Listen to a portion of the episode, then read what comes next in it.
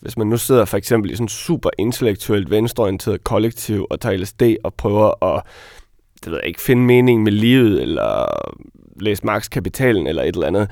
Det er jo ikke der, du sidder og får den, den store fede oplevelse med obladi oblada.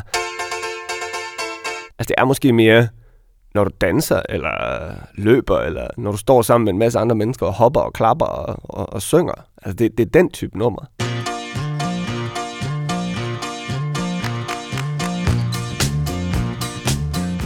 Jeg hedder Niels Kern Bertelsen, og under kunstnernavnet Emilio Hestepis, så laver jeg rapmusik, der handler om mange forskellige ting, men typisk sådan lidt elementer, idéer, tanker fra hverdagen og også min egen hverdag. I dag der vil jeg gerne fortælle lidt om mit forhold til Beatles-klassikeren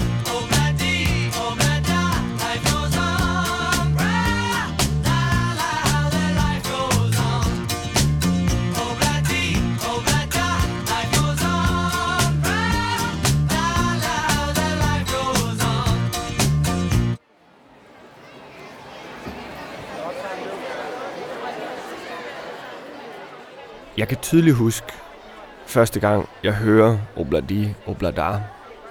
Og den oplevelse, jeg har med nummeret, er en oplevelse, der for mig udtrykker, viser, demonstrerer nummerets styrke. Jeg tror, jeg er 7-8, nok 8 år gammel, og jeg husker det som en forårsdag på Gammelgårdsskolen ude i Aarhus V. Øh, vi er til en form for forårsfest ude på skolen.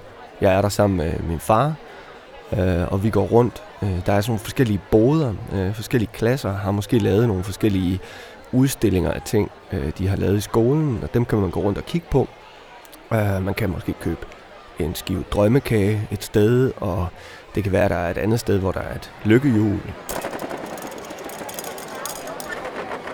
Og øh, jeg tror også, som vi bevæger os ind i gymnastiksalen, så er der nok også en af de her gammeldags øh, flødebollekaster. Man ser dem ikke så meget længere, men det er ligesom altså sådan en stor træskive, måske med billedet malet af en klovn, og så i midten er der et hul, du kan ramme med sådan en lille rispose, og hvis du rammer den, så bliver der kastet en flødebold om til dig. Så den slags sjove øh, maskiner og forlystelser er der øh, til den her fest på skolen. Jeg går rundt med min far, og så lige pludselig er der noget, der fuldstændig stjæler min opmærksomhed fra alle de her andre forlystelser. Og det er sådan et... Set i bagspejlet er det nok et ret middelmådigt band. Jeg tror, det er 6. eller 7. klasses eleverne, der står for enden af gymnastiksalen med et, et lille PA-anlæg, og så sådan, der har nok været en 10 børn på scenen, der alle sammen har fået et instrument, og de spiller et nummer. Og jeg hører det nummer, og stopper ligesom op.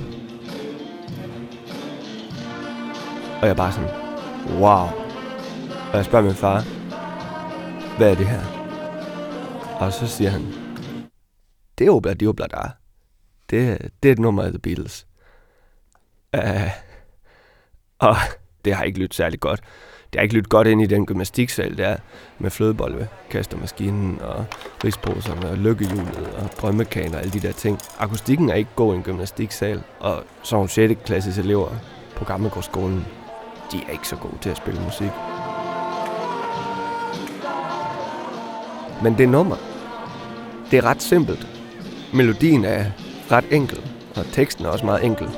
Så jeg tror, der er et eller andet ved, ved nummerets enkelhed, der transcenderer alle de her omstændigheder. Jeg kan ligesom høre nummerets idé. Jeg kan høre kernen af det, og er bare sådan, det her, det er mit shit. Det er fantastisk nummer, jeg hører lige nu.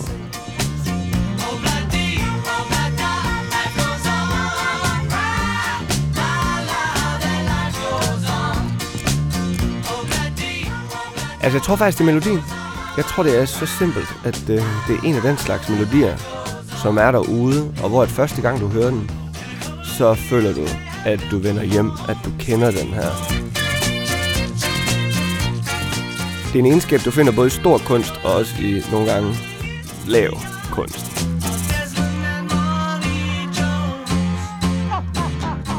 Beethovens 5. symfoni har det. Første gang du hører det, så det har du hørt før. Men også The Final Countdown med Europe har det også. Smoke on the Water har det.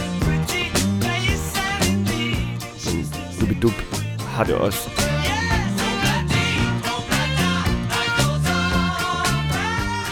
Der er mange numre, der har en melodi, der ligesom er så perfekt, så catchy, at den har altid eksisteret, den ventede. Obladi Oblada, tror jeg, var ligesom derude og ventede på, at Paul McCartney fandt den.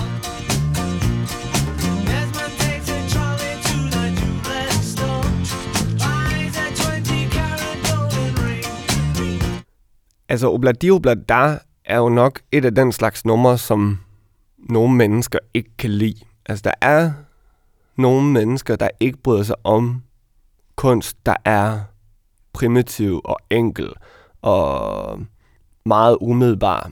Altså, der, der findes jo kunstopfattelser for kunst, og det kan være litteratur, billedkunst, musik, film, hvor kunst gerne skal være svært tilgængelig, altså hvor man skal ligesom gøre sig fortjent til at forstå det. Og ud fra sådan et perspektiv, så er et nummer som Obladi Oblada lidt en fiasko. Det er ret umiddelbart. Det du hører første gang, du hører Obladi Oblada, er ikke så anderledes fra det, du hører gang nummer 100, du hører Obladi Oblada.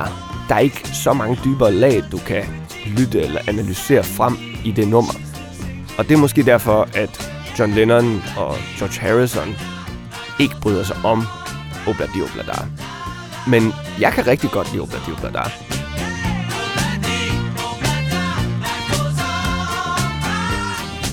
Kan godt lide avancerede ting, som er svært tilgængelige, men jeg elsker også de der helt umiddelbare ting. Livets enkle glæder, også i musikken.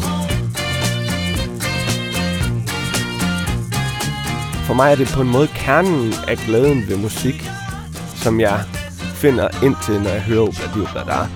Og som jeg også tit leder efter i ny musik, jeg hører, og som jeg måske også kan prøve nogle gange. Det er meget svært at lave et nummer som Obladi Oblada, men når jeg selv laver musik, så vil jeg jo enormt gerne, hvis jeg også kan lave noget, der har den enkelhed og, og, og umiddelbarhed i sig.